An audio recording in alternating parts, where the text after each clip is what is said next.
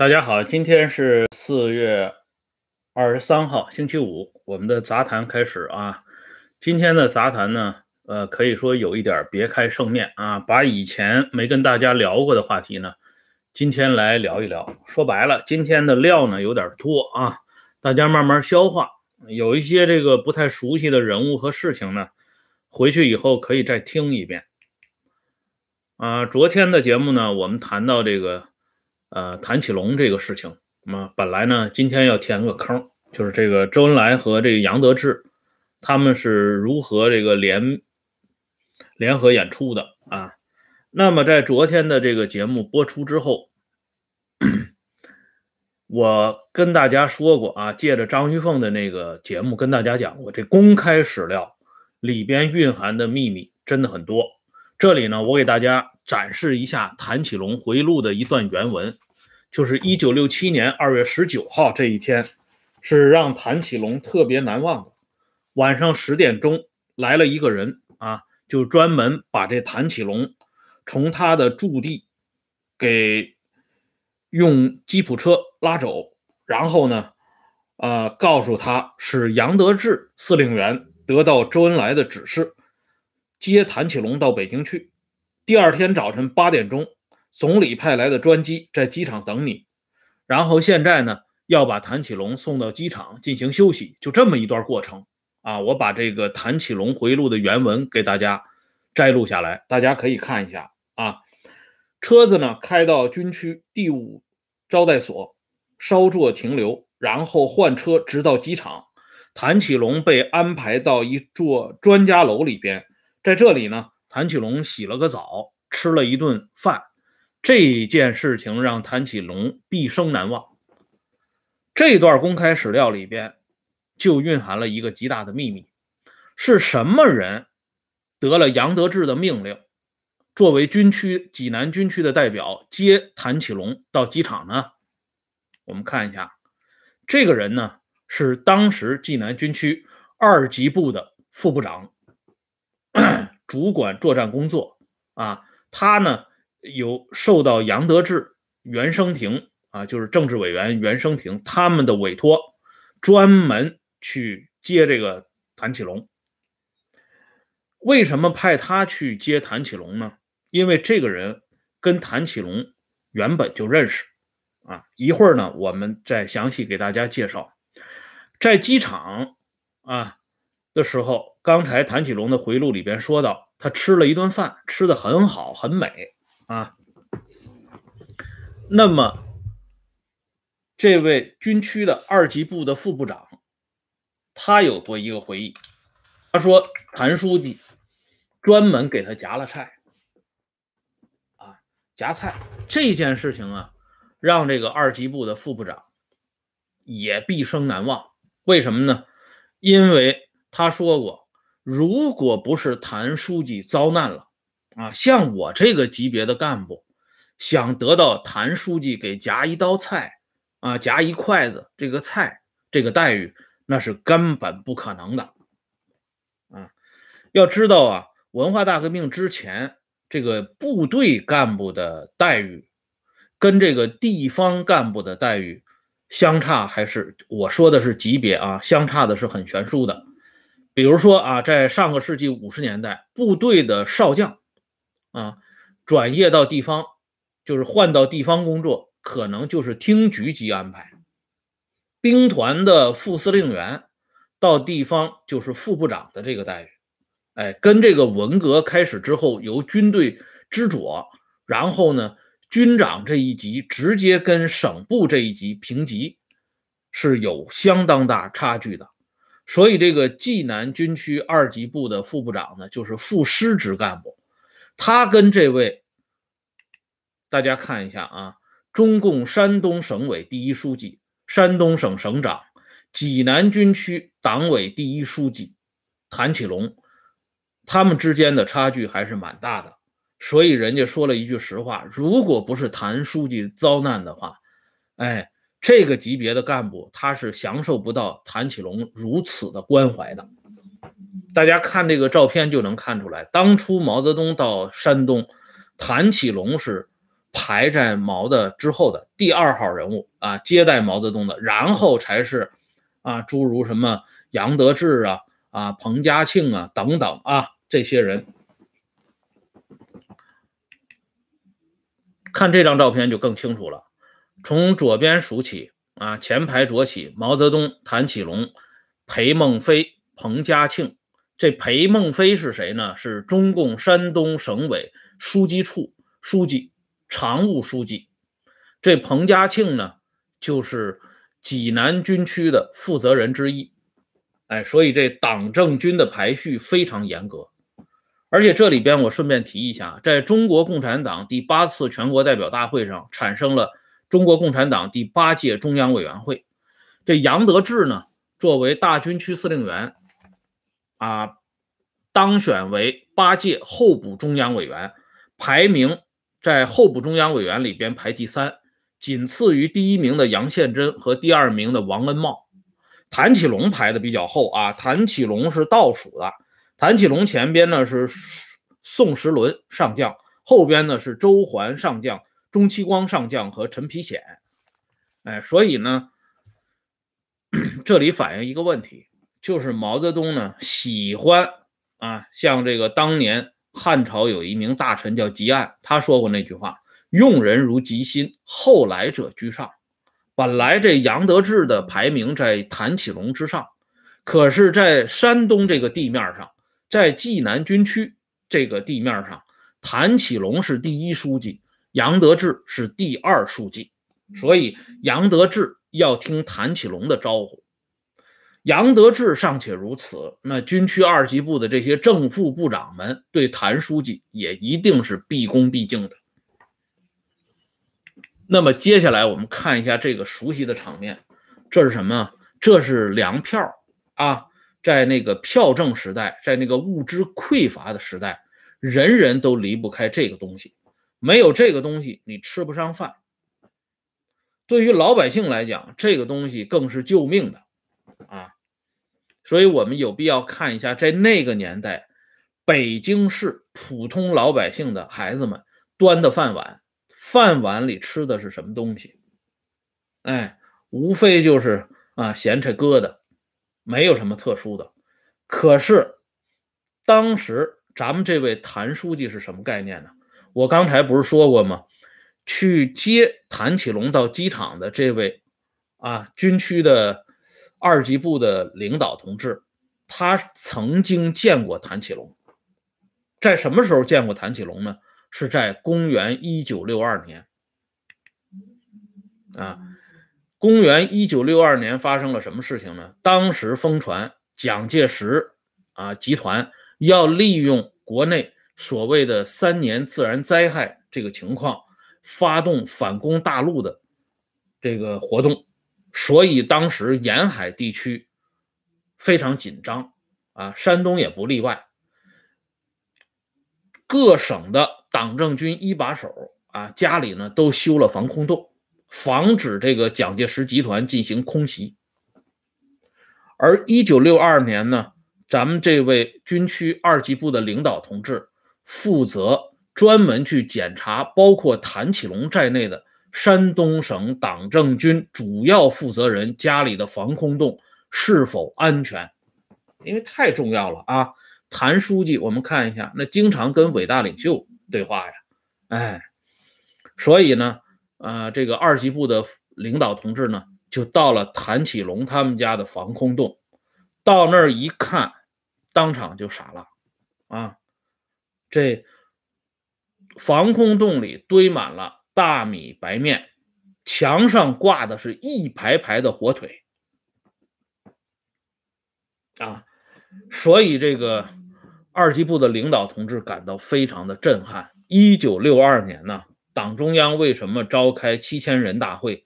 是因为问题实在是兜不住了，不论是北方还是南方，大面积的饥荒已经发展到不能再发展的程度了。所以，伟大领袖提出要搞实事求是，要搞调查研究。而这个时候，老百姓吃的是什么？啊，今天大家可以问问自己的父辈啊，就我这个年龄段的父母正好经历了那三年的特殊时期。啊，别说一九六二年，就是到了公元一九八二年，改革开放已经开始全面推进的时候，我想问问在座的诸位啊，就我这年龄四十五岁上下的这个年龄，有大家有多少人啊？这饭桌上经常能吃到这整只的火腿，恐怕不会太多。说凤毛麟角也一点不过分。可是，在公元一九六二年。济南军区二级部的副部长亲眼见到他们的济南军区党委第一书记谭启龙家里的防空洞时挂满了一墙的火腿，啊，所以这个概念大家想一想，天差地别，差在什么地方？你跟人家永远有一道天不平的鸿沟，啊，没法比啊，所以。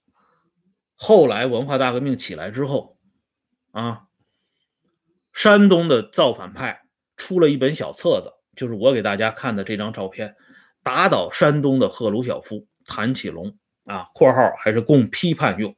这里收录了很多谭启龙啊日常生活呀等等工作的一些情况，都是鲜为人知的。当然，这里边很多情况也是有添油加醋啊，这个。造谣的地方肯定是有这个东西了啊，有不实之词，但是哪些是实实在在的，哪些是不实之之词的，这个需要具体的判别。这里边呢，我就想引出一个东西来，就是今天的一个副标题啊，就是文化大革命到底有没有群众基础啊？当年呢，中国共产党。十一届六中全会通过了一个重要的决议，就是关于建国以来党的若干历史问题的决议。啊，这是仿造毛泽东在延安时期、延安整风时搞的啊若干历史问题决议和六大以来这两本小册子，对历史问题呢进行了一个总体的决议。啊，更是按照邓小平所说的“宜出不宜细”。这个若干历史问题的决议当中，最引人注目的是对文化大革命的总结。这个决议认为，文化大革命是由领导者错误发动，被反革命集团所利用的，给全国人民造成了极严重的一场内乱。就这么定义了啊，这是属于总的定义。那关于这个定义呢？刚才我们看了一下那一墙的火腿。所以，我们就需要提出一个问题，那就是文化大革命有没有群众基础？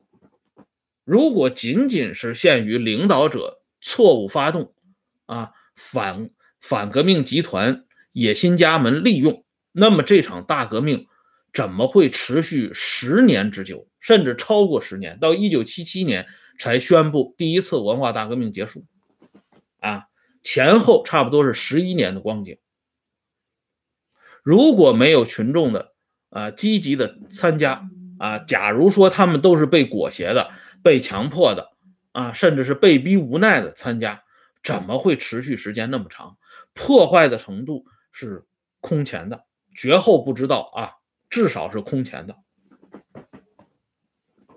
所以刚才我们看到那一墙的火腿，我们就可以知道，文化大革命一言以蔽之。是有相当大的群众基础的。建国十七年以来，一九四九年到一九六六年，啊，已经积累了相当多的社会矛盾，而且这些矛盾呢日益尖锐。像一九六二年这种情况下，大家吃完饱饭都已经是属于可遇而不可求的事儿啊，很多人都是可遇而不可求的事儿，要餐以杂粮啊。可是有的人，他们家修的防空洞一墙挂的都是火腿，当然可以解释为这防空洞里挂挂的火腿不仅仅是为一一家人服务，他可能是为这一大片的啊干部们服务，这个另当别论。但至少我们看到那个级别的干部，在一九六二年可以吃上大米、白面、火腿等等。到了一九八二年，市面上都看不见的东西，一九六二年就出现了。这种差距一旦让老百姓知道，大家想想啊，咱们中国人最喜欢说的一句话就是“不患贫，只患不均”。分配的问题永远是大问题，哎，切蛋糕的问题永远是大问题。你这蛋糕切的太狠了，对吧？老百姓是刮菜袋，你们吃的火腿，这能行吗？所以这十七年来的种种错误啊，甚至是偏差等等，需要有人来背锅，需要有这么一个出气孔。社会需要找到一个发泄的地方，那么这个发泄的对象是谁呢？就是伟大领袖提出了走资本主义路线的当权派，就是走资派。哎，所以伟大领袖把这些人一旦抛出来作为替罪羊的话，群众的热情和激情也就可想而知了。而我之前跟大家说过，文化大革命一言以蔽之。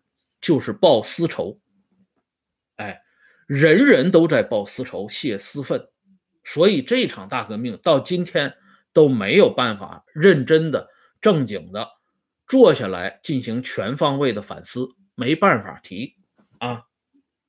这里呢，我简单跟大家说一下啊，我们家老太太讲这么个事儿：文化大革命刚起来的时候，他们机关揪出来的第一个。反革命分子是谁呢？是啊，也姓谭，是烧锅炉的。这烧锅炉的为什么给揪出来？因为这个人平常烧锅炉的时候，他不认真烧，冬天的时候他烧的不够暖和，反而到了春天呢，他使劲烧，把人烧的是满脑袋冒汗。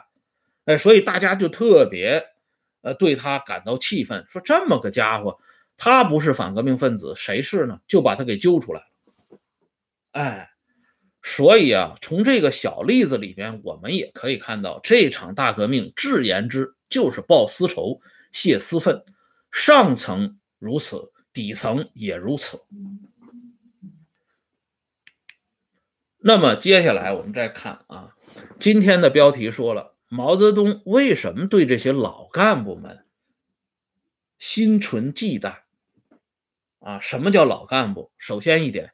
资格老啊，跟伟大领袖的渊源深，所谓砸断了骨头连着筋呐。哎，伟大领袖的很多一举一动都在他们的视线之内，也都在他们的脑海之中。咱们看一下，这是伟大领袖在杭州的照片。这领袖生前对浙江、对杭州特别有感情啊，经常到杭州去住一段时间。而这个时候呢，五十年代的时候，谭启龙正好主政杭州。这张照片拍摄于一九五四年，是谭启龙陪同伟大领袖在浙江省绍兴市东湖，啊，这个坐在这儿休息的一张照片，被领袖身边的工作人员及时给抓拍了下来，流传至今。这张照片呢，也是存在于谭启龙回忆录里边。前几页当中，这是表明谭启龙的身份地位和资历的。想想，能跟伟大领袖在那么早的时候就可以坐在一起吃瓜果梨桃啊，喝茶聊天这是什么概念？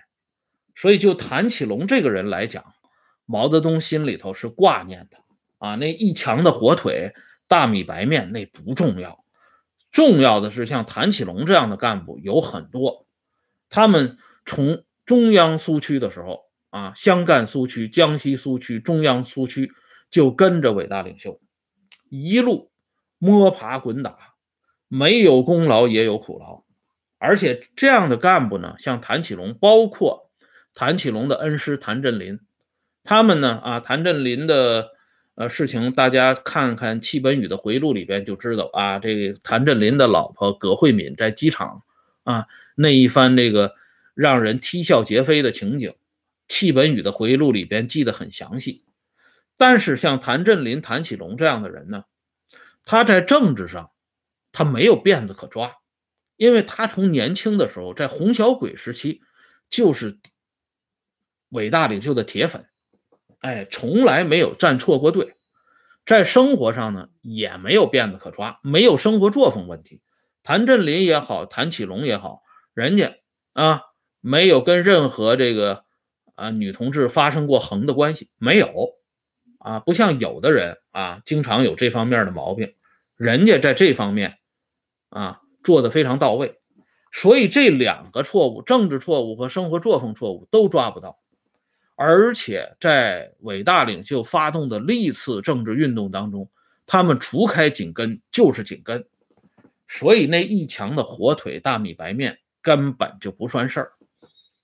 更主要的是，这些人他们就是小一号的毛泽东，他们跟随领袖没有白跟随啊。领袖身上的这些高深莫测的功夫，他们陆陆续续都学到了一些。哎，所以呢，在他们后来执政的时候。都有集中的体现。换句话说，领袖在看着这批老部下，啊，老战友们是颇费心思的。这里边呢，我们就还以谭启龙为例，看看这本公开出版的《谭启龙回忆录》里边，就是暗藏机锋啊！别看这是公开出版的，我一再强调，一定要看公开出版物，很多秘密就在这里。啊他这个回忆录里边是如何暗藏机锋的呢？咱们留待明天接着说。感谢朋友们上来支持和收看，欢迎大家关注“温相说时政”会员频道，周一到周五每天都有更新。